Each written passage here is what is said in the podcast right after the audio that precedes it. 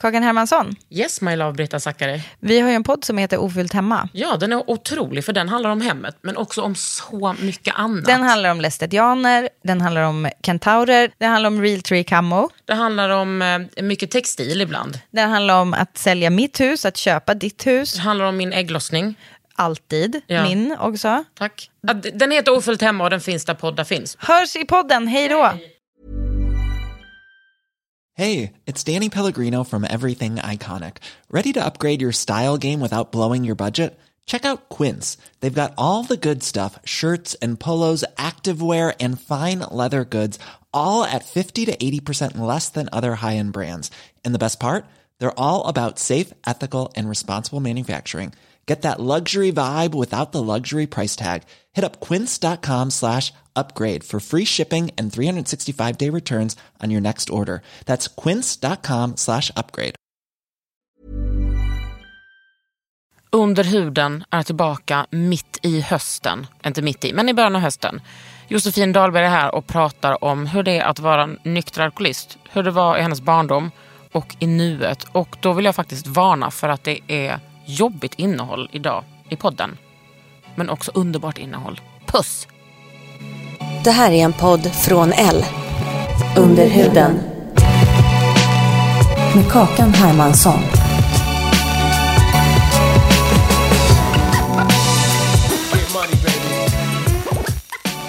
Så, vad heter din bok? Idag är jag fri. Är du det nu då? Eh, vi får väl se. Mm. Jaha, kör vi nu? Ja, ja, vi kör. Aha. Okay, Alltså jag tänker typ så här. Det här, nu ska jag eh, säga en störig sak. Ja. Nej, vänta, nej, den är inte så störig. När folk är nyktra alkoholister så, är de, så har de eh, svaret på allt. nej men förstår du vad jag menar? Alltså så här, alltså, och det menar jag kanske att de har. Eller att ni har. Jaha. För att man har gått igenom så jävla mycket. Och då är man... Eh, då, då har man fan hittat lösningen.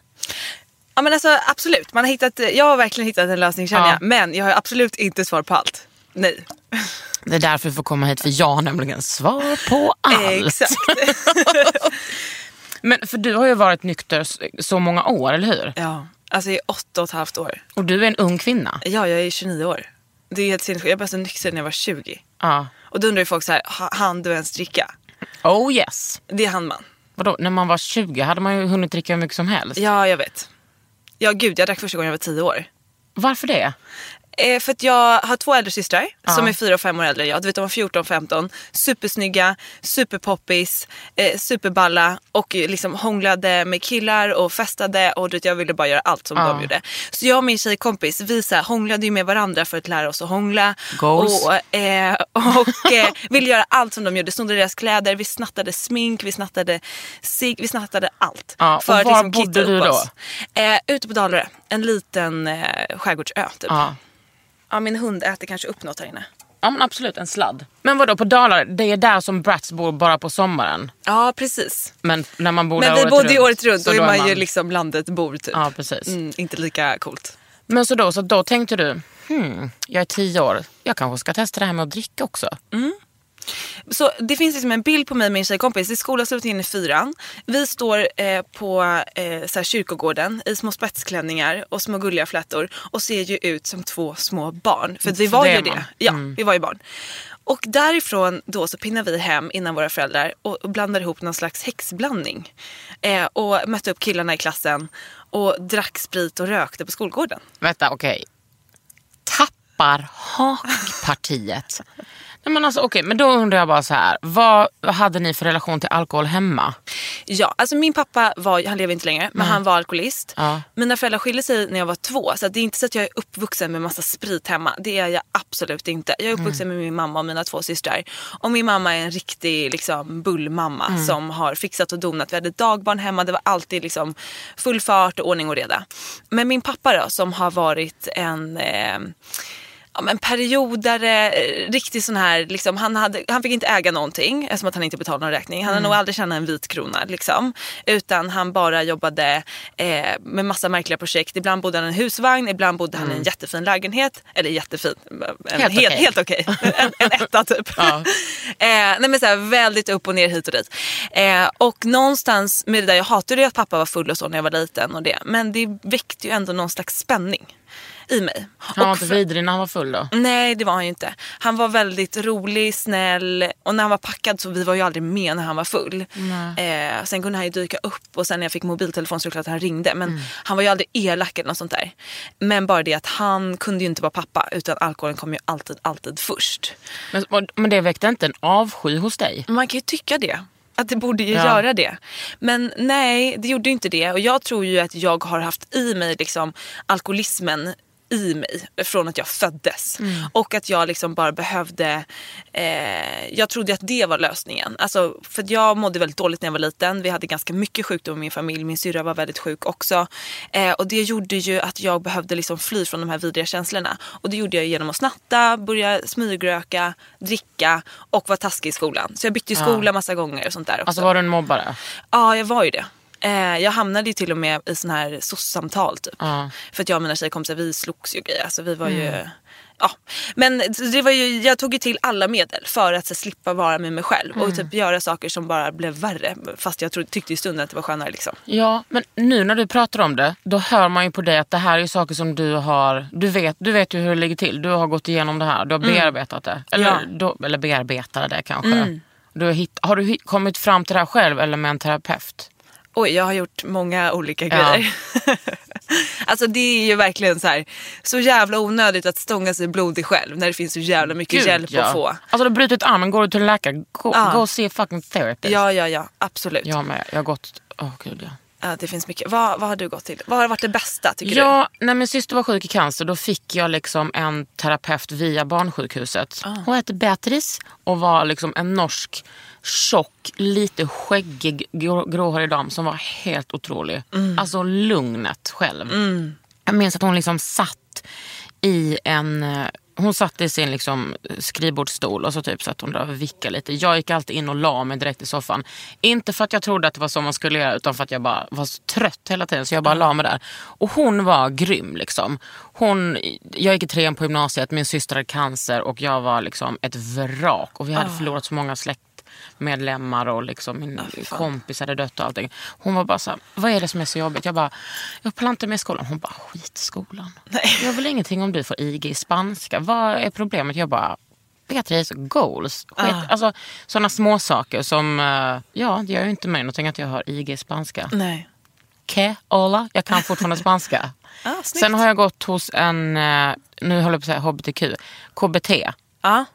Det var inte min grej. Men jag lärde mig hantera min panikångest. Sen Ah. gick jag typ tio år en behandling hos en psykoterapeut som, var, som är specialiserad på lesbiska och trauma.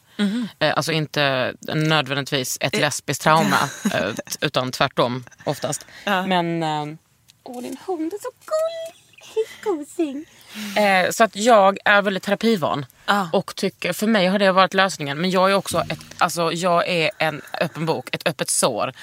Du vet, prata så snabbt för att få ut allt av den där terapitiden som kostar 900. Vet, du, jag hade ju kunnat köpa en lägenhet. Men eh, I can't. Bara, vänta, mina föräldrar betalade första rundan. Men, men, Men men. ja. Nej, men jag Väl har- spenderade pengar måste jag säga. Ja, gud. Och, alltså, jag älskar terapi. För att jag vet att det funkar. Men jag håller med. Och för mig har det varit, alltså jag har ju både gått eh, när jag var yngre, alltså i tonåren när jag var i all den här jävla grejen och mådde så jävla pissigt dåligt och allt sånt där. Bytte skola fram och tillbaka och massa Hur många märkliga... skolor finns det på Dalarö? Ja nej jag fick ju flytta utanför Dalarö. Eh, också. Ännu mer ut på landet? Nej nej nej, eh, in, lite in, mer mot stan. Jag bytte skola kanske tre gånger. För att du var en bitch? Nej, för det första gången vi flyttade Mm. och då gick jag en, hal, halt, en, en termin i en skola. Och sen så efter jullovet och mamma ska köra mig till skolan så stod jag i hallen och bara näpp. Och hon bara, eh, Jo. jo. kom nu, sluta liksom. Och jag vägrar gå till skolan. Så då fick jag tillbaka till min gamla skola efter mycket om och men. För då hade jag i den här klassen liksom redan, ja men hade massa ovänner och lärarna sa till mig för mycket och bla bla bla. Men och, kunde du, eh, hur gammal var du då? ja, men då gick jag femman. Kunde du formulera dina egna problem då? Nej. Nej, jag har varit jättedålig på att prata om det och liksom har mer kört den här tystnadsstrejken hemma för att få som jag vill med mamma. Låst in mig på rummet, eh, gjort destruktiva grejer. Mycket den typen. Inte alls sitta och snacka.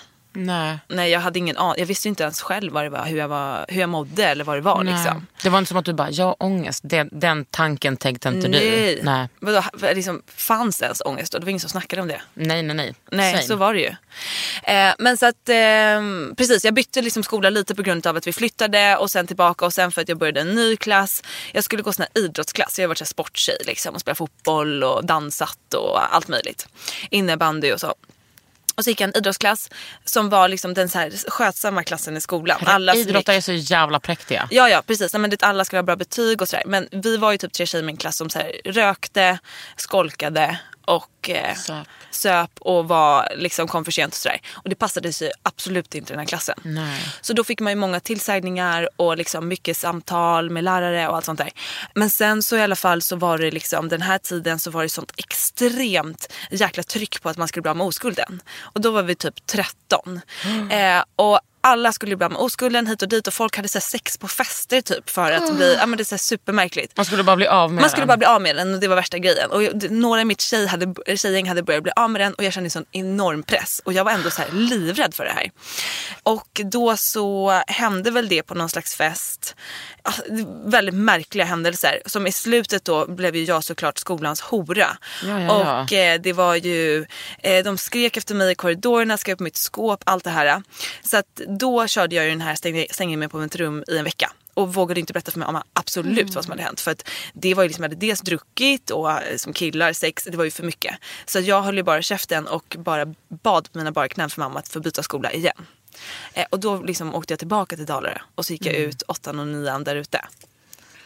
Men kände du så här, kunde du resonera med dig själv bara, jag måste skärpa mig, jag måste sluta dricka och röka. Nej, jag inte måste, då. Nej, du hade, ja, för jag hade så mycket så här, jag hade så mycket ångest inför mina föräldrar att jag var tvungen att sköta mig.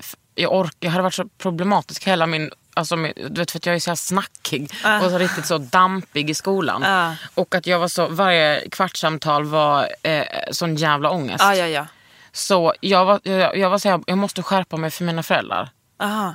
Alltså jag fick ut, utegångsförbud för liksom ingenting. Ja, okej. Nej men alltså jag Och nu vet jag att min mamma lyssnar och bara, ingenting, du hade faktiskt snattat. Ja, ja, ja, men sen fick jag utegångsförbud för att jag var otrevlig en gång. Alltså det är så överdrivet. Yes it is mom. Ja, nej, men alltså, jag hade ju då ma- en mamma som hade tre döttrar. Alltså, alla vi tre har liksom haft alla typ psykiska eh, sjukdomar, inte alla, men typ det mesta man kan ha. Eh, hon hade dubbla jobb för att ha råd med oss. En pappa som liksom kommer och går och ställer till det.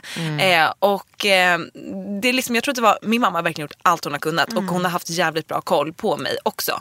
Men liksom, man är ju så sjukt manipulativ i den där åldern. Inte alla Josefin. Nej. man är ju det generellt.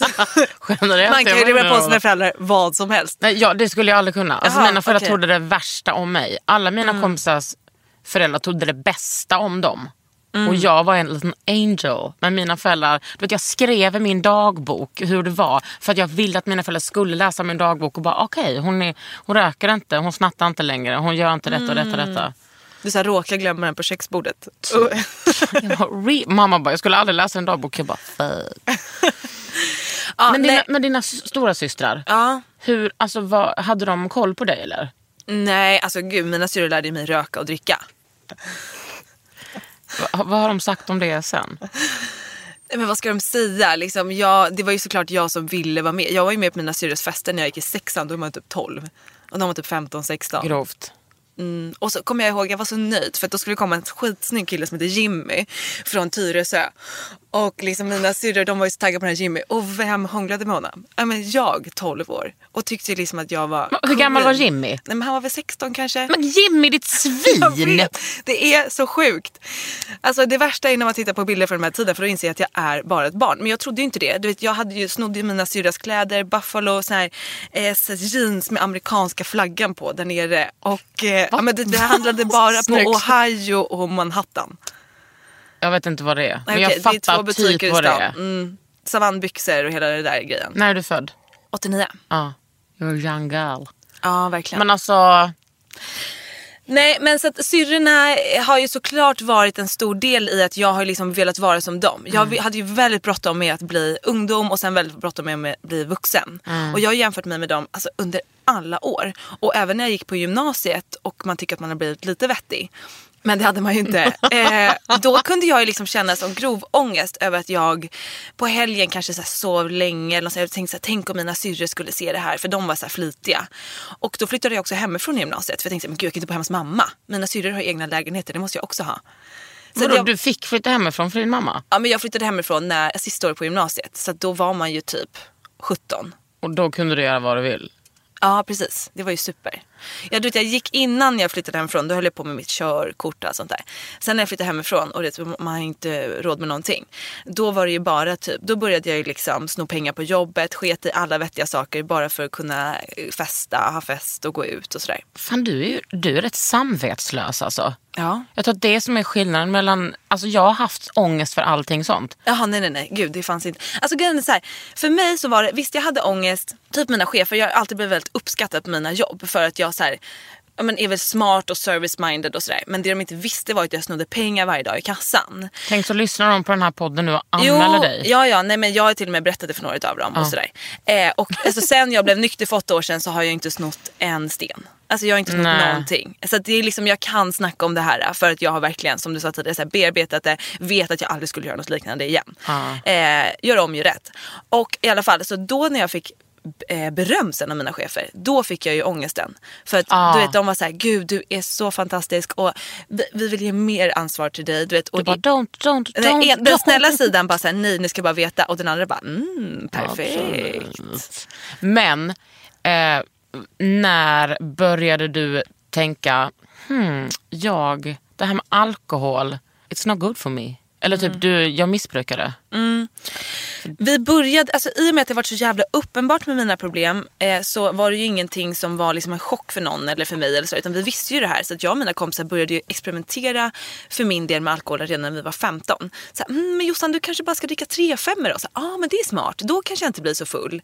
Eller, Ja, för att du "Ah, var, blev alltid Ja men så... jag blev ju alltid aspackad, blev som en annan person, var vidrig, hade minnesluckor. Alltså liksom direkt när jag var ung, eller när jag började Mm. dricka så blev det ju så. Så att re- redan från den åldern så började vi experimentera med det här. Och min mamma var väl mer så här, hoppades att det skulle vara en fas. För att liksom ens orka Mm. leva typ. För att det var så mycket andra grejer också. Men sen så när jag blev 18 och som sagt hade bott själv ett tag, jag bodde med en tjejkompis och det fanns liksom inte samma begränsningar utan vi kunde ju typ festa hela tiden och ja, sådär. Då började jag ju få riktig eh, ångest. Alltså då började jag må riktigt dåligt. Och då tog min mamma mig till alkohol och drogmottagning för ungdomar. Ah. Och vad, hur var din reaktion när hon presenterade den idén? Alltså jag vet att det var liksom någon sån där slutkörd dag då jag bara så ville ge upp typ. Som, som jag liksom ändå kände så här, ah, men vad som helst nu. Ta bara dit mig. Och då hade eh, min syrra också gått där. Eh, för de var ju också inne lite på samma linje. Idag är ju vi alla tre nyktra faktiskt. Nej, vad underbart. Ja, så att vi har väldigt starkt i oss, tror ju vi, liksom, ifrån vår pappa. Men sen gick jag hos de där alkoholterapeuterna i, till och från i två år. Eh, och jag gick egentligen bara dit, det var så himla skönt, komma dit och bara få böla ut, vet, berätta och bara ha några som satt och så här, lyssnade. Så det var ju egentligen det jag gjorde. Men sen gick du hem och söp igen. Ja, ja, ja. Absolut. Men för att nu när du pratar om det så låter det sådär, ah, det var asjobbigt, jag söp och sen så eh, började jag nosa på att bli nykter. Men det måste ju ha hänt så mycket jobbiga grejer när du var full. mm, jo men det är klart. Jag tänker så här, att vara en ung kvinna som eh, däckar var och varannan fest. Ja, ja absolut. Nej men alltså det, det började ju bli... Det här är ju någonting som jag typ har börjat reflektera över senaste kanske två, tre åren. Alltså det var inte något som jag funderade över eh, dels när jag drack eller i början av min nykterhet. Men liksom när jag började gå ut och var så full att jag inte kunde stå på benen. Det var ju jättemånga som snubbar som tyckte att det var superpraktiskt. Gud vad bra. Här är en tjej som gillar att dricka. Henne eh, trycker vi ner lite mer shots i och sen kan man ta med henne hem. Eh, De som liksom inte bryr sig om vad de släpar med utan liksom bara de slipper gå hem själva typ. Så att den grejen har jag förstått nu så här, shit vad jag, min kropp har varit med om grejer för jag kommer inte ihåg så mycket i och med att jag hade minnesluckor nästan liksom men åtta av tio gånger när jag drack kanske. Och Åh fy fan. ja men det är ju vidrigt men då var jag mer så här, vakna upp, titta ut genom fönstret, ja ah, Gärdet, fan vad praktiskt, bra då vet jag hur jag tar mig hem. Det var typ det jag reflekterade över. Ja. Men nu när du tänker på att du, alltså, att du har varit med kanske om övergrepp. Ja. Eller skulle du säga att det är det? Jo men några gånger har jag ju varit det när jag också har varit medveten Ja. om det. Så att det var faktiskt, du berättade om den här härliga kvinnan som du pratade med. Jag hade ju också en superbra kvinna som jag fick kontakt med när jag hade varit nykter typ ett år. För då gick jag till ungdomsmottagningen och skulle förnya mina Är det hon som bor i Köpenhamn? Nej. Nej. Det är din Eh, hon mentor. Kom, det är min mentor, Ja. exakt. eh, nej men den här, jag gick till ungdomsmottagningen och skulle förnya mina p-piller. Och eftersom att jag inte hade gått till den mottagningen tidigare för då bodde jag, jag hade flyttat ihop med min kille så vi hade flyttat. Och då så gick hon igenom här formulär, typ massa frågor i och med att jag inte hade varit där tidigare. Mm. Och då så frågade hon någonting, så har du varit med om någon sexuellt eh, övergrepp eller liksom någon, jag minns inte exakt frågan. Och då märkte hon att jag liksom lite tvekade och jag bara, mm, ja nej det tror jag inte. Och hon bara, eh, det där kan du prata med en kvinna hos oss om, som är jättebra. Så hon verkligen fångade upp det. Hon bara, jag bokar in en tid till dig på en gång. Och jag bara, jaha nej men jag vet inte. Hon bara, jo men du kan prova en gång. Är inte det det mest typiska, så symptomatiskt för att vara kvinna, att man inte ens kan identifiera att det är övergrepp? Mm. Man bara, liksom om en kille, eh, oftast är det ju killar, Mm. har sex med när man är medvetslös eller typ har däckat. Är inte det ett övergrepp? Mm. Alltså att Jag vet. Det är, men första gången det hände det var ju där när jag bytte från idrottsklassen. För då var det liksom en fest hos här, eh, skolans eh, coolaste tjej. Va? Var inte du det? Eh, nej nej nej det var jag inte. eh, alltså, vi, fick, vi gick i sjuan, hon gick i nian. Vi kom dit. Det var fest med massa hembränt och det massa sprit och allting. Och jag då däckar i ett rum. Mina kompisar lägger sig med i ett rum för att jag är liksom helt utslagen. Och då så, eh, det här har jag fått återberättat för mig för jag kommer inte ihåg någonting. Då har alltså en kille gått in som skulle hjälpa mig med ett glas vatten. Eh, och så märkte mina kompisar så här, oj han har varit där inne lite väl länge. De går in och kollar läget. Eh, varpå jag ligger på sängen utan kläder och han försöker ha sex med mig. Men jag är ju då typ 13 år och i princip medvetslös. Sen det som händer efteråt är att en annan kille på festen tycker att det här är ett kul event. Så att han låser liksom in folk i det här rummet för att se på och liksom släpper inte ut de här personerna. Eh, och jag vet ju inte exakt hur det här gick till. Men morgonen efter när jag vaknade upp hemma hos min kompis Sara och bara, det är min, liksom min första riktiga, riktiga blackout. Och vaknar upp på golvet och bara, och de säger oj hur mår du typ? Och jag bara, ja, jag vet inte, vad är det som har hänt? Och de sitter liksom och berättar det här för mig. Och jag, liksom, jag, jag fryser till is. Jag kan liksom inte förstå, men det, det, du vet, det läskiga är att jag redan då är så formad att jag tänker inte så här, gud vad hemskt, vad synd det är om mig. Utan jag tänker bara, nej. Alla kommer kalla mig för en hora. Alla kommer, jag kommer inte få gå tillbaka till skolan. Jag vill bara ta livet av mig. Jag vill aldrig mer finnas till. Jag vill aldrig mer träffa de här personerna. De har, de har sett mig Kommer naken. du ihåg jag vilken, vilken kille det var? Ja. Och han skrev till mig, han la till mig på Facebook för typ tre år sedan. Och då skickade jag bara tillbaka så här, det är ett totalt skämt att du lägger till mig på Facebook. Och då skickade han så här, ha ha ha vad långsint du är. Alltså man bara, Alltså det är alltså en kille som har gått in när du är däckad och dragit av dig dina kläder ja. och försökt liksom våldta dig. Ja. Ja och att de andra liksom skulle titta på det här. Nej men så det gjorde ju någonstans, jag tror att det satte liksom ganska mycket där i så tidig ålder. Att de här andra grejerna jag var med om när jag var äldre, liksom, ah, jag går hem och tar en dusch. Ah, gå till jobbet. Det är inte så farligt typ. Tänk, Var dina kompisar också med om sånt här? Nej, de var ju inte det. Alltså det var ju, det är det som är grejen också att eh, många kan vara såhär, men gud jag kunde också bli aspackad och göra dumma saker när jag var ung. Man bara, ja, men liksom, det var alltid jag. Alltså, Oavsett om vi var på fest på Dalarö där jag är uppvuxen eller i Nacka där jag gick i gymnasiet eller i stan så var det alltid jag som var fullast på festen. Alltså, det var liksom inte bara någon snedfylla här och där. Utan så här, och det handlar inte heller om att jag så här, inte tål mycket alkohol. Jag hällde ju i mig. Det har inget stopp. Jag har inga gränser liksom. Och eh, tyvärr så finns det ju väldigt många snubbar som utnyttjar det. Eh, och som sagt, det, blev ju värre när jag gick ut på krogen. För då kunde jag hamna vart som helst. Men det är som sagt någonting som jag reflekterar typ.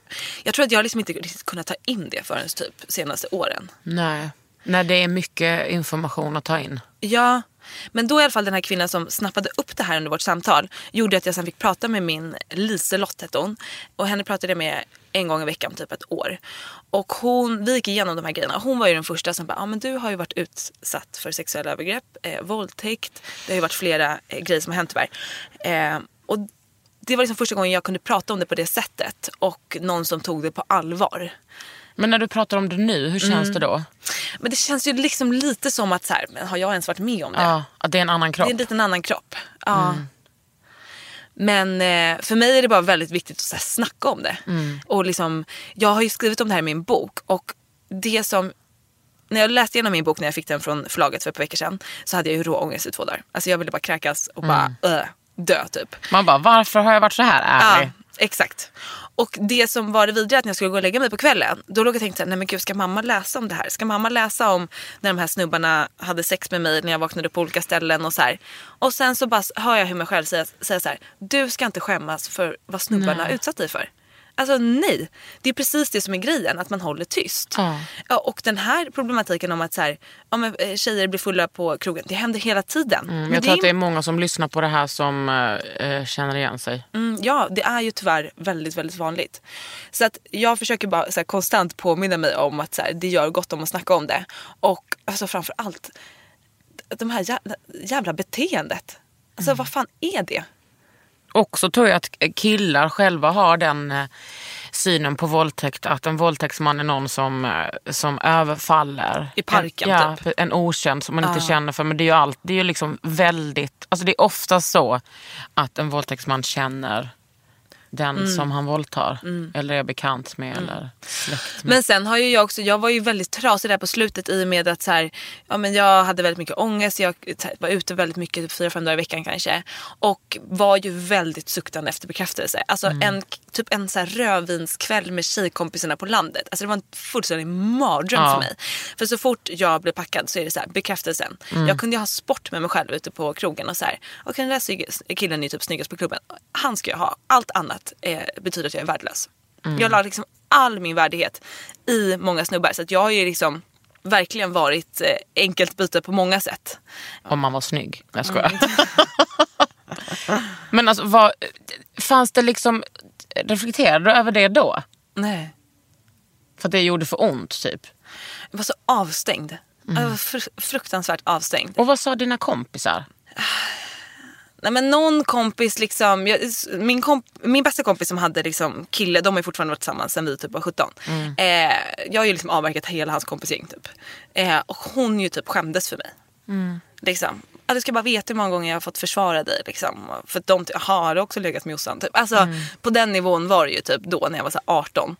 Och eh, jag tror att de, alltså man snackade inte om det på ett seriöst sätt. Och för mig, mig gick det inte heller att nå. Alltså jag hade ju bara bortförklaringar. Bara, men gud jag är så galen typ. Det var liksom mitt, det kortet liksom. Ja, och också att man kan, eh, man kan kalla det att vara fri. Alltså man kan Mm. formulera det på ett sånt sätt liksom, att, eh, att tjejer är fria när de gör så. Mm. Jag fick ju också en väldigt sån här, efter det där som hände typ i sjuan och lite sådana incidenter så fick jag just så här, men varför ska killar få ligga runt och inte jag? Precis, det är det jag menar. Ja, nej men och då, då, blev liksom, då blev det en grej och, och någonting som jag fortfarande liksom känner. Att så här, jag älskar att ha sex. Jag tycker det är skithärligt att ha sex med, eh, med, eh, med snubbar och har ganska svårt för att så här, binda massa härliga eh, kär, kärlekskänslor. Liksom. Och blir fortfarande väldigt dömd av det. Vilket är liksom så här, varför ska det eviga målet alltid vara att så här, den här killen som jag dejtar nu, vi ska gifta oss om Ja. två år. Så här, för mig är det kanske inte det. Sen så någon gång så kanske det blir ashärligt. Men just nu så har vi skitkul och vi har superhärligt sex och jag får massor bra energi av det. Och det är liksom, det är just nu. Ja. Men uppfattar du att, det, att du blir dömd av det nu? Eller för ja, det nu? Ja, absolut. Av andra tjejer? Ja. Störigt. ja, det är rätt störigt. Men är det för att vi, vänta hur gammal, du är Hoppas 29? att den här killen, hoppas det är han nu. Du vet. Men gud släpp det. Hoppas att han ger dig en vad, vad, orgasm. vad var det för fel på honom nu då?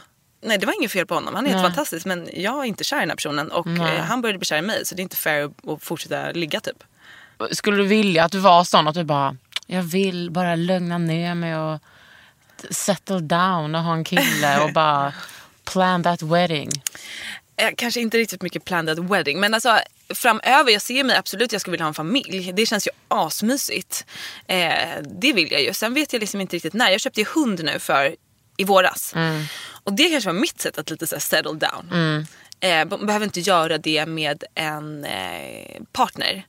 Eh, utan så här, jag kände mig redo för nästa steg och det var typ att köpa en hund. Ja, men det, och det är så himla typiskt också att vi lever så här 2018 och eh, jag antar att typ alla dina kompisar eller omkring dig ändå identifierar sig som feminister. Mm. Men det ska finnas ändå en norm om hur man ska vara. Ja. Speciellt om man är så framgångsrik som du är. Tänker jag. Du är så här, men så här, det går bra för dig Mm. och då ska den pusselbiten också vara där. Liksom. För att annars är det ett tecken på att man mår dåligt. Ja, exakt. Jag fick en kommentar på min blogg för ett tag sedan eh, av en tjej som skrev typ så här. Eh, Gud vad du uppmuntrar till det här att gräset är grönare på andra sidan. Hoppas att du verkligen mår bra egentligen eftersom att du inte kan settle down typ med någon kille eller något sådär du vet.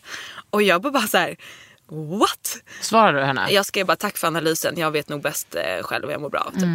Eh, men liksom, jag har haft eh, ett par liksom, väldigt fina relationer. Jag är ju kompisar med alla mina ex som jag har Ah, haft sedan jag var Bra nykter. gjort. Vi, det är ju liksom så här, vi, vi ringer varandra på julafton och, Mm. och liksom grattar och sådär på födelsedagarna. Eh, och mm, mitt ex som jag bodde med, vi var tillsammans tre år.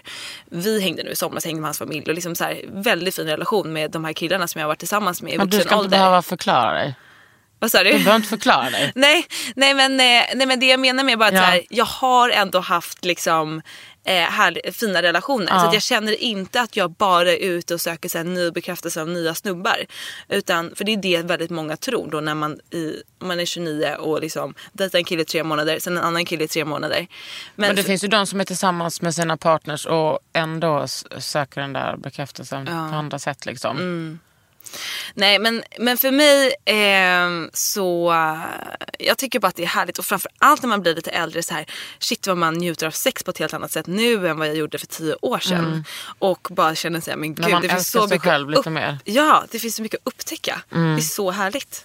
Gud vad kul, fan vad fint. Mm. Jag tänker också att det kan vara svårt om man har varit med om sådana grejer som du har varit att njuta av sex. Och det är underbart att du kan göra det. Jag tror att det blir viktigt för mig själv att få äga min sexualitet. Mm. Det har varit jätteviktigt. Och att jag verkligen så här, jag ska inte skämmas över min kropp, över eh, vad jag gillar. Utan så här, jag ska få, det, det ska vara kul. Mm. För det har varit så jävla okul. Nu ska sex vara kul och härligt och njutbart. Liksom. Men hur gick du från, eh, hur, hur kom du dit liksom?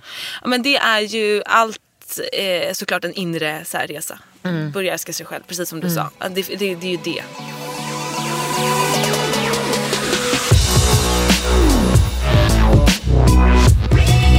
Under huden.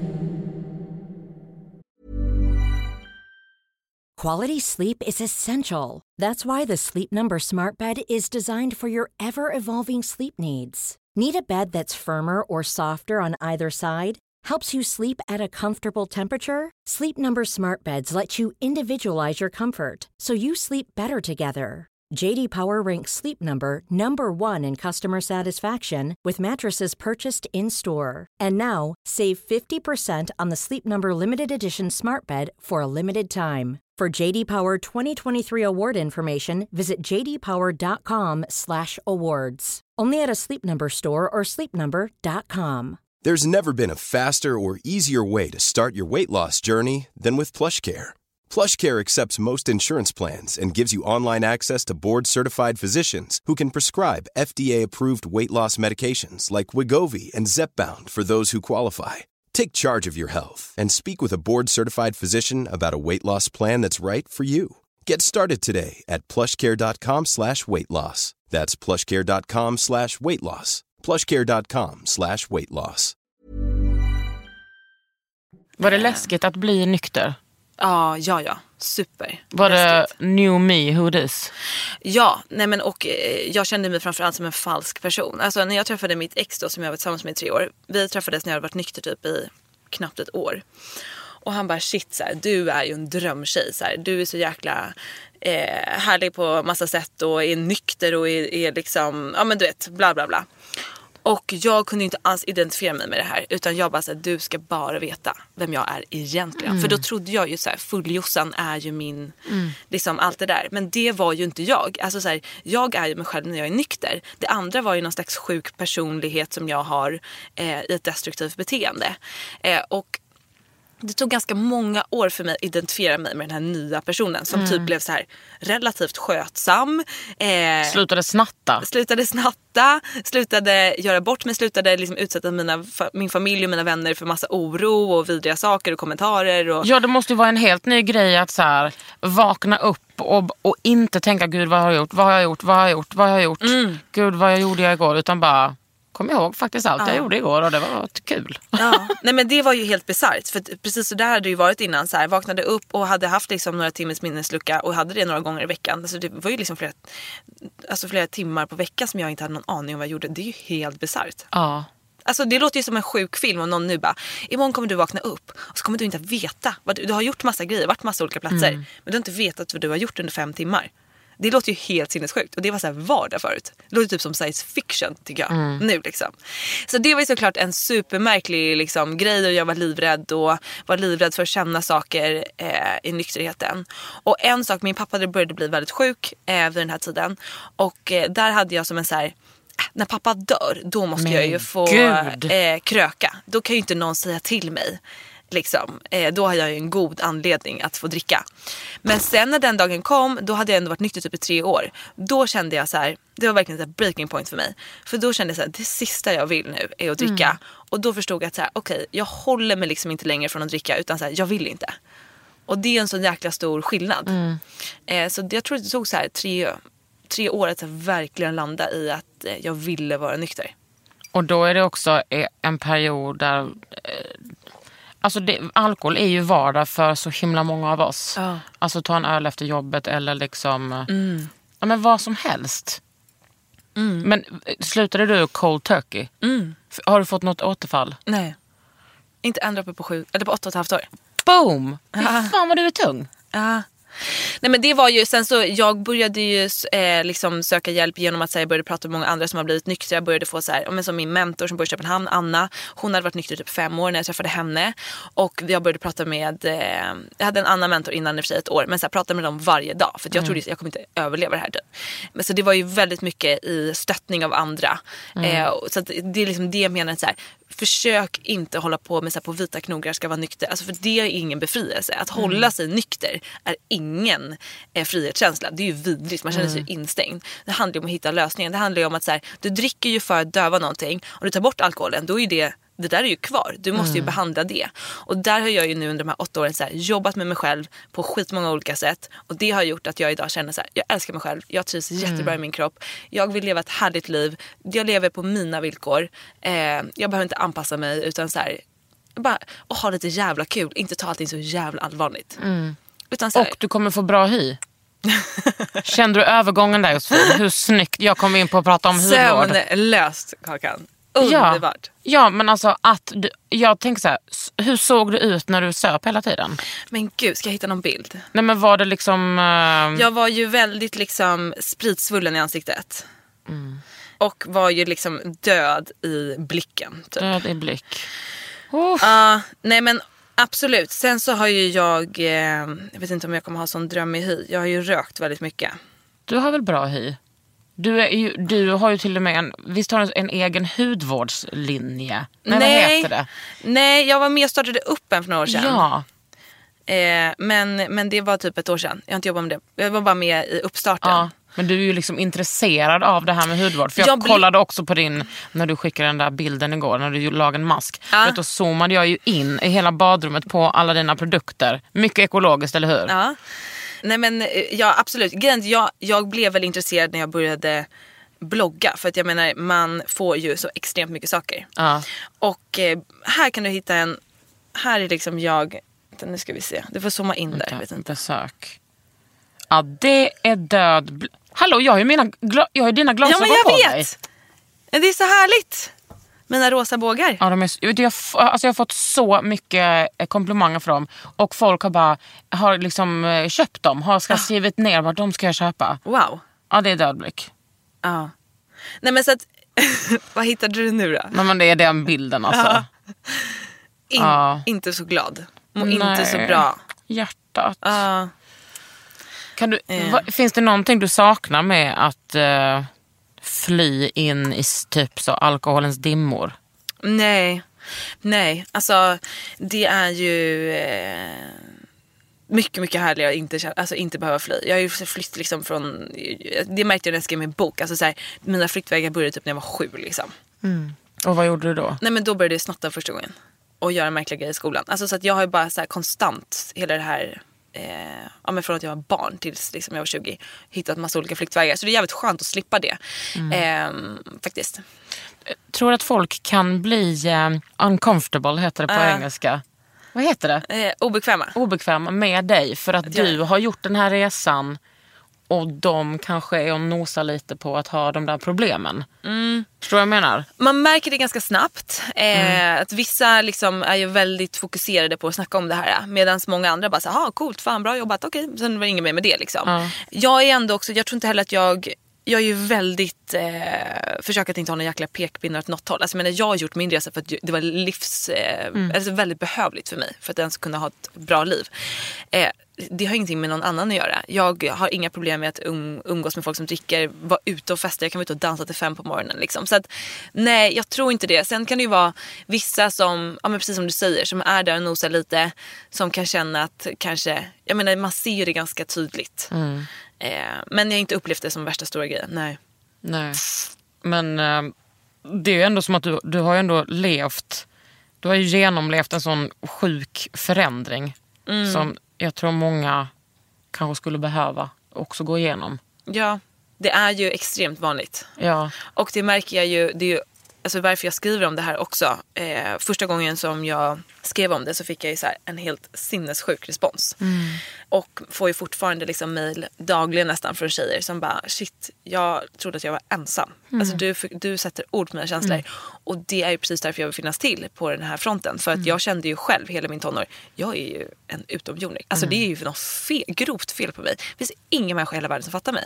Jag hade aldrig hört om en ung tjej som hade alkoholproblem. Så därför är det ju superviktigt för mig att visa eh, vägen och så här, snacka om det. Ehm, När började du blogga? för fem, sex år sedan. Ja, då var du redan nykter. Mm. Var du öppen med det då? Nej, nej, nej. Alltså jag ville ju jobba med mode. Så att jag la ju bara upp så vad jag hade på mig, så superopersonlig och tyckte typ att det var pinsamt att ha en personlig blogg. Eh, och sen så var det faktiskt i det här huset när typ hela min eh, eh, cirkus eh, började, vad ska jag säga. Charlotta Flinkenberg Ja. på Chic. Jag fick ju något jobb där efter jag hade eh, tagit eh, journalistexamen. Och eh, hon bara, men vi ska göra ett uppslag som ska handla om något annat än mode i nästa nummer av Chic. Kan vi få intervjua dig om din nykterhet? Och då hade jag varit nykter i fyra år och bara, va? Nej men det här kan jag inte prata om. Får man det typ? Tr- trodde jag. Och Det var så skamfullt för dig? Ja, jag, men gud vad ska folk tycka och tänka? Nej men gud vad läskigt. Och sen så då skrev hon verkligen så här, jag tror att det kan hjälpa väldigt många tjejer. Och då kände jag så här, ja men fan ska jag göra det då? Ångrade mig i samma sekund jag sa ja typ. Eh, och sen så bara gjorde jag det och så kom tidningen ut och efter det då ringde så här TV4 Nyhetsmorgon, SVT Godmorgon, eh, en massa tidningar. De bara, men gud vad är du för människa?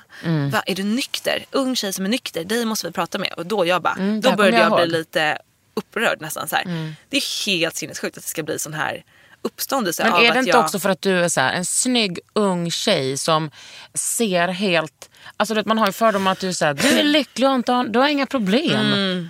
Att, du är liksom, att folk inte heller får ihop det i huvudet. Nej precis. Bara, Hur kan en sån tjej vara olycklig? Hon har ju allting. Mm. Ja men säkert. Och framför allt så här eh, såg nog också ut som att vara en sån som är ut, out and about. Och Mm. vi, vilket jag precis hade börjat vara. Lite i så modesvängen på Mm. alla härliga events med bubbel. eh, hur klarar du av det om du är nykter? Så då blev det ju så här startskottet för mig. Att så här, okej det här ska jag snacka om. Mm. Det här är min grej. Ja, för det är ju liksom en... Alltså det är typ det viktigaste i livet. Varför måste så här unga tjejer döva sig med alkohol? Mm. Är vi, alltså, världen är så ful att så här, små tjejer måste göra det. Då Mm. är det liksom... Alla gör ju inte det, men Nej. det är ju stört att en enda Mm. måste göra det. Det är fruktansvärt alltså. Mm. Ja, nej men så att eh, det har ju också tagit liksom som vi snackade om förut, alltså så här, det tar ju tid och att jobba med sig själv och så här, gå in på djupet för det finns inga genvägar. Eh, men för mig hamnade jag i en point där jag kände att så här, jag är beredd att göra vad som helst. Och jag hade någon slags så här, tillit till att så här, fan det kommer bli jävligt bra. Jag bara känner att det kommer bli det. Och den lilla så här, känslan höll jag fast vid. Fy fan vad skönt för din mamma. Alltså, kan, fy fa- alltså känner så mycket för din, för din mamma. Alltså gud vad skönt för henne att alla ni tre inte dricker. Jag vet. Halleluja. Ja, men hon gråter ju typ en gång i veckan över det här. Fortfarande. Ja, för att hon är så tacksam. Ja. Och för att hon, du vet, jag har varit nykter i åtta och ett halvt år och jag är liksom nu 29, ja, men, har liksom kunnat tagit hand om mig själv Mm. efter rätt, rätt många eh, år. Liksom. Om jag inte svarar tidigt en lördag morgon, då, när jag ringer upp sen, då gråter hon ju. Mm. Jag var så orolig. Ja. Mamma, liksom, Ja, hon tror att du ska få återfall. Ja, nej, nej, du vet, för förut, hon fick ju jaga mig. Liksom. Ja. Så att det sitter ju jävligt hårt. Men sen kan jag också känna så här, ja det är ett fritt val att bearbeta grejer också. Ja. Men har du, Kanske dags mycket, har du mycket skuld eh, till henne? Nej, för att jag känner att så här, nej jag lever absolut inte i någon skuld, skuld Nej, eller skam. skönt. Jag är helt befriad från det. För att jag vet att så här, jag var sjuk, jag var ung, jag, jag visste inte. Jag var liksom... Var, Det är så jävla viktigt att du säger det, att du var sjuk. men För det, är var liksom jag ju. Inte, ja, det är ju liksom inte som att man gör ett val då när man är 7, 13, 15, 20 eller vad man Mm. är. Eller du tog ju slutligen ett val, Mm. eller gjorde ett val. Men att vara sjuk är ju något speciellt och din pappa var ju också det. Ja, precis. Och jag känner att så här, eh, jag har verkligen... Liksom, jag gottgör ju mamma genom att vara nykter nu. Och det finns ingen anledning för mig att fortsätta ha skuld och skam över det jag gjorde. Och på samma sätt så kunde jag liksom släppa min ilska till min pappa när jag insåg att så här, okej, min pappa har varit sjuk. Han kunde inte. Han kunde inte finnas där för mig, han kunde inte ta hand om mig. Det handlade inte om att han inte älskar mig. Det var bara att han visste inte hur han skulle göra. Och hans, han, han tog inte hand om sina alkoholproblem så spriten kom alltid på första plats. Fram tills att han dog. Men nu känns det som att du är så himla bra på så här self-love. Alltså som att du är så här, du är alltid så himla så fin och alltså du har så himla fin energi och du, alltså du är, eh, alltså det är klart att du kan vara säkert vara en bitch ibland som alla andra men du har så himla så här, du känns så generös, alltså som en generös människa. Förstår du vad jag menar? Tack. Alltså du känns eh, som att du unnar folk saker. Det är ju en, en extremt stor skillnad från förr. Ja. När jag så här, inte unnade någon, Nej. någonting för att jag var så jävla rädd att min plats då skulle försvinna. Ah. Eh, men, men ja, och det är någonting som jag också aktivt har jobbat med. Mm. För jag kände mig, när jag började bli nykter kände jag så här, jag är ju en vidrig människa. Ah, vad jobbigt. Så här, fan vad jobbigt gud, jag, så. kan inte ens, jag kan inte ens unna min kompis att hon har fått det här jobbet eller träffat en kille eller vad det nu kan vara. Mm. Allt var jobbigt tyckte jag. Allt var så direkt mot mig att berätta för mig hur dålig jag var om det gick bra för en annan. Men det är också en, en bra, vi, alltså bra vidrig sak med att vara missbrukare. Att, och, alltså då sjuk, är att allting handlar om en själv. Ja, ja. Nej men du vet, och det var ju att få vakna upp i det i nyktert tillstånd och bli medveten om alla de här jävla beteendena. Det var ju liksom en... Eh, det var ju inte kul men jag har ändå försökt under de här åren jobba mig igenom de grejerna och ja, men försökt att bli en mer generös person och framför allt, alltså så här, det handlar ju om att fokusera, det handlar ju om att hitta kärleken till sig själv. För det löser ju typ alla problem. Ja, men du känns så, alltså just det där att du är inte missunnsam nu. Nu känns du liksom bara så himla, alltså du har, att du har mycket kärlek liksom. Mm. Men berätta lite om eh, din self-love. Och där kan vi liksom komma in lite på hudvård. För att det Ja. vet, mina, mina lyssnare blir sura om man inte pratar Ah, om ja, hudvård. nej, men det ska vi absolut göra. Nej, men jag det tycker jag håller, eller så här, är en väldigt fin... Eh, att det hänger ihop. Det är verkligen att ta hand om sig själv på, på flera sätt. Och för mig så var det, jag hade ganska dålig hy eh, under hela min tonår, så här finnig liksom. Och sen så när jag var 20 så blev jag också gravid där precis när jag blev nykter så jag gjorde en abort. Och det gjorde ju liksom att så här, min hy fuckade ur. Det var liksom bölder och jag typ grät av att det gjorde så jävla ont. Ah. Och kände mig så fruktansvärt ful. Så jag gick ju till huddoktorn och, eller någon hudläkare och fick någon så medicin. Jag vet inte riktigt vad det var men som jag åt. Eh, Roaketan. Jag tror inte att det var det. Det var Tröttra, lite lättare. Jag kommer Ja. inte ihåg. Men det var inte det i alla fall vet jag. För det, eh, och hon tyckte att så här, det här är inte, du har inte akne eh, generellt. Det här är liksom en reaktion typ. Mm. Så det här är liksom en engångsgrej.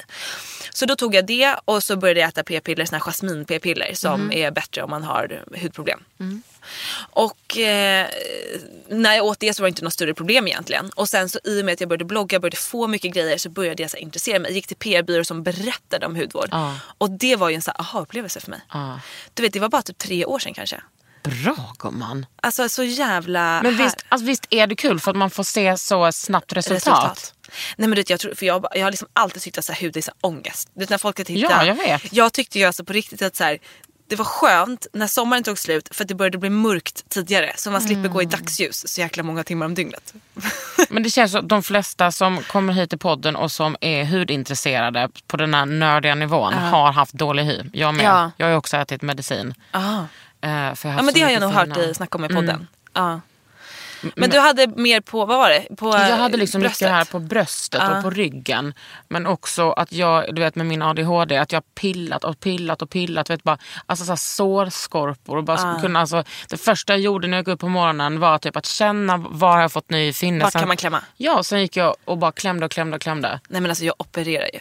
Bästa jag vet. Jag och min syrra vi står ju, vi står ju bredvid varandra i, i spegeln och bara liksom går ju loss. Ja. Vi ser ju inte kloka ut efteråt. Nej. Man är så ful när man har klämt. Men det bästa som har hänt mig var ju, det här har jag sagt innan, det var ju när min eh, lampa gick sönder. På, i, alltså den här i badrumsskåpet. Ah. För att alltså, i min förra lägenhet, där gick folk in på toaletten och sen kom de aldrig ut. Nej. Då gick de, jag bara, hallå, vad har hänt? Sen, sen så bara, står du och klämmer? Nej.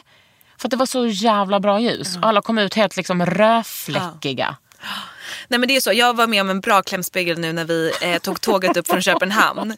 Och eh, Johan som jag hänger med nu då, han sitter eh, och jobbar vid datorn och jag går på toa och är borta rätt länge. Så Ja. kommer ut, han har du klämt det i hela ansiktet? Ja. För nu den här jävla solkrämen som jag haft på sommaren, tjockt lager i ansiktet, får ju finnar överallt. Ja, men det där ska ut, alltså du måste ha en, alltså alla säger det här, det finns bra solkrämer. Vad ska man ha då? Jag köpte någon sån här 50 från eh, Clarence. Ja, den borde ha funkat. Men Nej, är, du, fick finnar. är du noga med att tvätta av det på kvällen? Ja, absolut.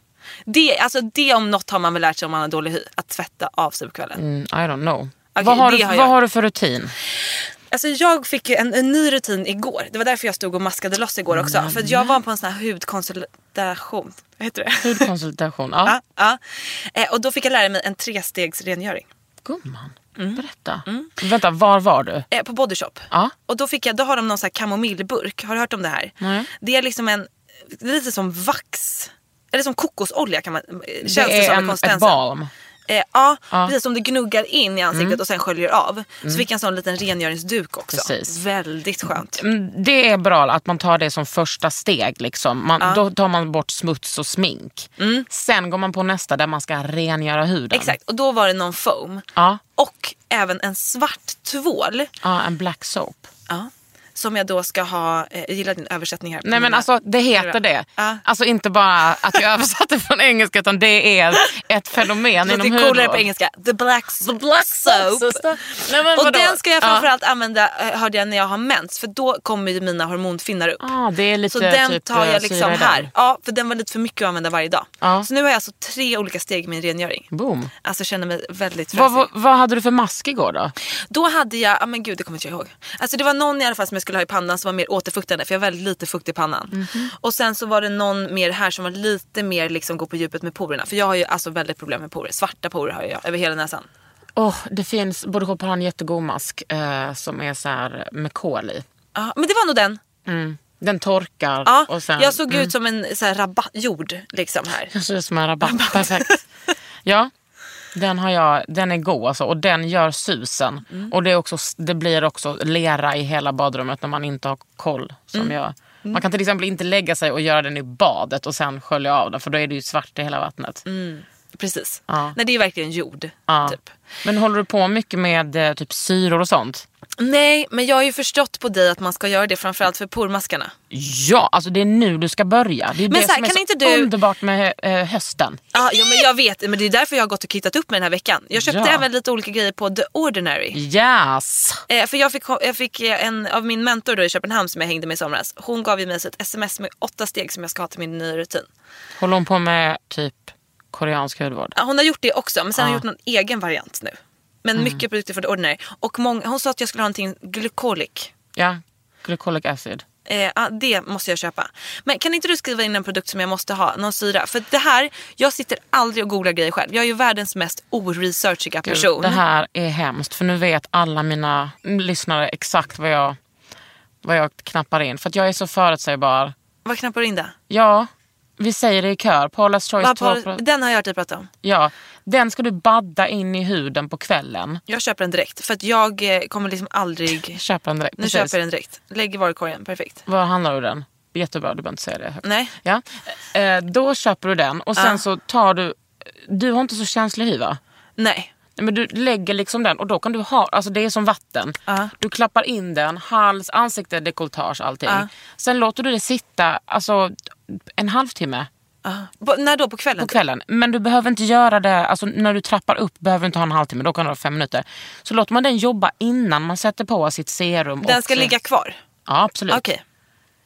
Och BHA är ingen dum syra. Nej. För den går ner i djupet på poren, löser upp smutsen och slipar ner kanterna på poren så att det ser ut som man får mindre porer. Jag klämmer mina porer typ varje dag. Ja, jag kan inte stoppa det. jag can't stop you. Men det är, alltså jag, när man börjar använda den här, då brukar det vara liksom en revelation. För mig är det inte så länge för att jag syrar på som fan med andra grejer. Men finns det någon nackdel med att syra loss? Ja, om du inte använder solskydd för huden blir mer solkänslig. Just, man, Men det gör jag faktiskt. Ja men då så. Och jag menar, även om I du måste ha lite solskydd även på hösten och du Ja, sitter mycket framför datorn så Ja. du måste ha... Ja men nu har jag liksom en eh, vitamin E solskydd 30. Som jag köpte nu till hösten. Aha, vitamin E från Nej vadå? men okej det kanske inte var vitamin E då. Jag Kanske försökte vitamin då. C? Nej det var inte det. Det var också från Body Shop. Ja. ja men 30 är jättebra. Mm. Alltså jag har ju tyckt lite nu på sista... Alltså jag bara, fy fan vad jag tjatar om solskydd. Men sen kommer sommaren och då träffar man ju på folk. Och folk använder ju inte solskydd. Var det här är- vitamin E? Ja, ja men det är jättebra. Kör. Okej, ja. Varför är folk så dumma i huvudet?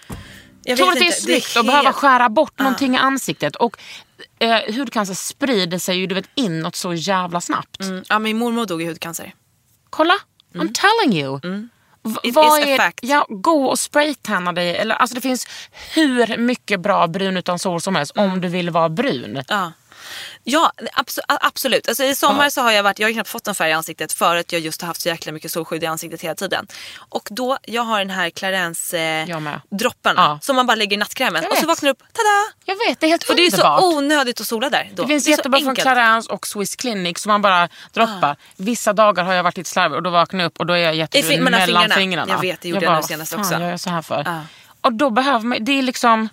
Men alltså det jag kände nu, eh, under sommaren generellt, jag har varit noga med SPF och även så kladda på dem runt omkring mig som inte använder. Bra. Men jag har skitit i allt annat. Alltså jag åkte iväg på den här Eurotrippen som jag var på Mm. utan några så här, Ingen hårspray, inga, alltså inga hårprodukter överhuvudtaget. Alltså en typ fuktkräm och en rengöring. Men, Men eh, är det så fel Josefin? jag kände att så här, fy fan vad skönt det var att bara få lufta. Ja. På alla håll. Men däremot, fy fan vad härligt nu att sätta igång. Vet, jag har kittat upp mig som in i helvete. Igår gjorde jag- Vitaminer, krämer, Ja, allt. jag, vet. jag gjorde tre masker igår. Ja. Och då, Oj. alltså jag har varit en slarver i sommar. Ja, ja, ja. Jag tycker det är härligt. För, också för att toaletten ligger liksom inte i vårt hus där jag och eh, Pinne sover. Utan vi, Mm. då måste man gå tillbaka till det andra huset. Orkar inte. Nej, det orkar man inte. Nej. Nej. Mm. Men så nu mm, när jag kom hem, du vet. Först typ en så här rengörande mask. Och sen typ kanske en liten syramask och sen en fuktmask som jag sov med. Du strålar. Eller hur? Mm. Alltså det här är bara...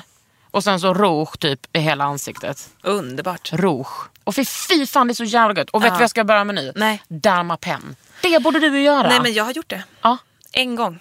Ja, det gör ont. Ja, det är då. Men alltså inte så farligt. Jag är ju så smärtkänslig att... Är du det? Okej. en Nej men inte jag. Eh, jag tyckte att det så här, visst det gjorde ont på vissa partier. Det var ju väldigt läskigt när de gick nära ögonen. Mm, men man kan Alltså, också, mm. det känns ju Och lite... läpparna. Ja det känns ju riktigt vidrigt. Men eh, generellt så var det mer bara så här. Det var liksom som du vet när du får, du typ äter en citron och vill nysa på samma gång. Att du bara är så här liksom, du vet inte vart du ska ta vägen. Ja. Det var typ den känslan hela tiden. Att jag bara, oh, oh, Mm. det var liksom för mycket.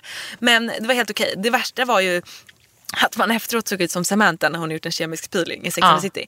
Det var ju liksom, man såg ut som att man, en, jag vet inte vad. Jag Lite blod ut i så. ansiktet. Ja, jag, min, min hud läker så jävla snabbt. För jag kommer ihåg jag gjorde, jag gjorde en sån här, en, hon gjorde fan med en kemisk peeling på mig och sen Dermapen. Du skämtar. Nej, Får man ens göra det? Ja, ja, ja. Ah. But no, it's illegal. sen, sen så la hon liksom hyaluronsyra på mig. Nej, en sån aj. mask. Nej men hy- hyaluronsyra är bara en sockermolekyl som Aha. Mhm. man har naturligt. Sen gick jag på boksignering och signerade, nej, jag signerade något foto med, alltså det var någonting med, som vi höll på med. Eh, jag, jag var ju inte snygg men jag var inte heller ful. Alltså jag var lite svullen. Okej, nej, jag, jag var liksom, det var blodbad i mitt ansikte Ja. typ. Men, Om du, för det är ju bra om man är irriterad på sina porer. Alltså porer Man har ju 300 000 porer i ansiktet. De kommer inte försvinna men man kan ju däremot förminska dem och få bort liksom skitet. det har faktiskt blivit bättre. Och Mm. alltså, generellt under den här sommaren, även om jag inte har maskat och såna där grejer, så har det blivit bättre. Mm. Alltså mina porer. Jag vet inte vad som har hänt. Nej, men sen när du ska hoppa upp på den här BHA-ponnyn. Ja, nu jävlar. Fy fan vad kul det kommer bli. Jag får ge dig före och efterbilder. Gud, absolut. Mm. Hallå, du har så fina smycken alltid. Tack! Alltså du, och det ser... Titta den här är min nya favorit. Ah, så snygg. Och den Eller här, vad fan är det? Lite eh, humla. Underbart. Är det här en riktig diamant? Ja, det där är min liksom, lilla self-love diamant. Bra. Mm. Och örhängen, så fint. Tack! Ja men du är alltid så himla så... Men smycken är ju liksom, jag känner mig totalt naken utan smycken. Mm. Jag ser ju alltid ut så här. En liten Hermes. Ja, jag snodde den Twilly. från, eh, precis, snodde den från eh, necessären man fick. I något pressutskick. Ah, smart. Tyckte jag var gullig här. Ja, den är skitfin. Duschar du med allt det här eller tar, Jag du tar av bort det på kvällen? ringarna. Nej, nej, nej. Jag tar bort ringarna tar jag bort och så klockan. Ja. Men resten så har jag på mig jämt. Och örhängen också? Jag sover med och allt sånt där. Alla eh, killarna är ju liksom så här, aj, aj, aj, aj, aj. Du är bara snälla, it's about self-love. Ja, exakt. Eh, den nej, jag tar väldigt sällan av. Orkar inte. Jag tar av ofta. Men du har ju så fina tatueringar. Tycker du? Ja, älskar den här.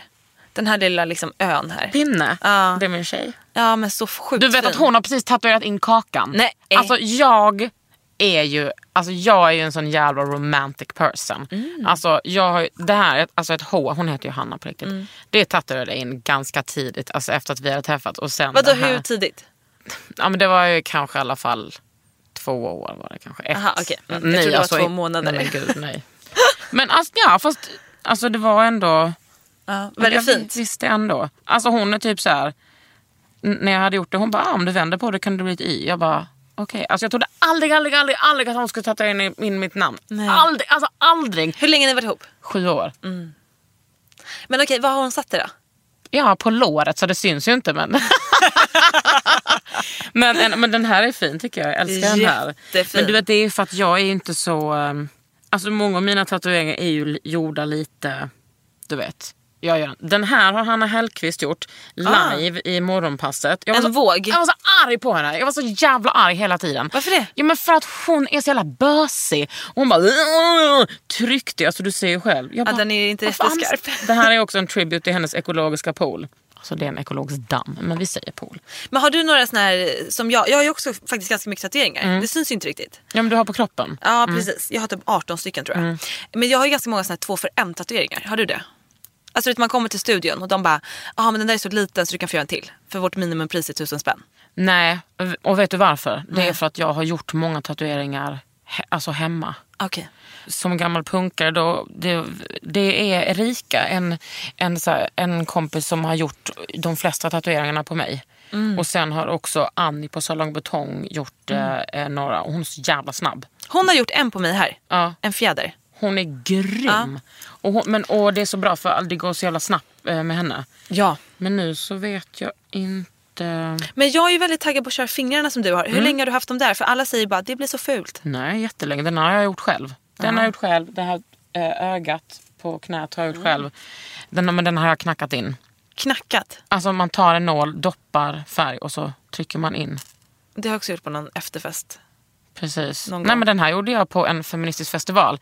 Och det, alltså det här, så oansvarigt, fast ändå lite ansvarigt.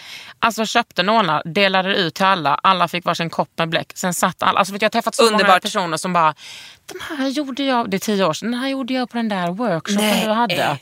Nej men gud det här är en jättebra grej. Det kanske jag ska ha med till mitt nästa event eller något. Ja. Jag har ju lite nya, jag har bokat tid hos min tatuerare nästa, nästa vecka. Jag Mm. vet inte riktigt vad jag ska göra än men vi får se. Men eh, fingrarna gör eh, så eh, jävla ont. Men Mm. det är snyggt. Det är så fint. Jag vill ha lite några prickar här, kanske någon rand, något Ja, streck. då så. Lite sånt. Det kommer inte, det kommer inte vara så farligt. Och kommer vara väldigt snyggt med dina smycken. Men du vet förr i Mm. tiden, du vet, när jag började tatuera mina fingrar. Min mamma bara, Karin du kommer aldrig få ett jobb. Nej. Och min syster är liksom helt tatuerad. Hon har så här super, så här, jättefin, alltså inte som jag liksom. Så, utan jättefina färgtatueringar. Så här, Ursula på hela överarmen. Mm. Du vet en snäcka bricka med typ, alltså väldigt Lilla Stjärnfrun med så ett gem och massa stenar i på hela handen. Alltså överallt. Och mamma, alltså hon är fortfarande så här, du, du kommer inte få jobb. Hon bara, eh, jag jobbar på, ja, hon är sjuksköterska, hon har jobb. Folk ser ut så nu för tiden. Patienter, läkare, alltså Nej, folk men gud, jag har... kommer ihåg alltså, mitt, eh, ett, mitt ex, hans låtsasmamma. Då sitter vi liksom hela, hela deras släkt på någon födelsedagsgrej och så har jag gjort en ny tatuering. Då sitter hon i soffan så här. "Åh, Det är så skönt att Nej. jag inte har en Nej. tatuering. För tänk vad jobbigt när jag ångrar mig. Då hade jag behövt bandage på hela min arm. Tänk vad jobbigt att behöva ta på sig det här bandaget varje dag. och jag tittar på henne och bara, are you for real? Alltså what the fuck. Så det finns ju fortfarande lite fördomar kvar. Men jag älskar tatueringar och jag känner liksom, ja, det är precis samma sak med mina smycken. Jag hade nog känt mig naken utan mina tatueringar. Och så här, de blir ju liksom en, det är inte så att jag varje gång bara, oj, där är en Va? namnteckning, där är Jag, hjärta. jag identifierar mig som typ en som inte har tatuering. Alltså jag tänker inte ens nej, på de nej. här. nej, inte jag heller. Man gör ju inte det. Nej. Men de man blir ändå glad. Det är lustigt det där med... Ja, men jag tror liksom att så här, mina föräldrars generation, det var ja, men typ så, kriminella och folk på sjön som Mm. precis. hade tatueringar. Och det, jag fattar också, för, mina, alltså för min mamma speciellt så är det en klassgrej. Mm. Men, men jag tror kanske att hon har vant sig. Alltså min mamma är faktiskt till och med lite sugen på att ta- tatuera in en Rolling Stones tunga på axeln. Köp det Jag vet, i present till henne så kan hon inte inte göra men det. jag vet. Jag har, jag har liksom tänkt göra det så jag har frågat henne. Så inte riktigt än. Va? Det är bara att köpa, hon, så hon får vara redo. Okej bra, jag gör det. Ja. Du, tack för att du eh, kom hit och delade med dig av det här. Tack för att jag fick komma, så kul. Ja, du har ju Viktigt. lyssnat på Under huden med mig Kakan Hermansson och Josefin Dahlberg. Under huden med Kakan Hermansson. En podd från L.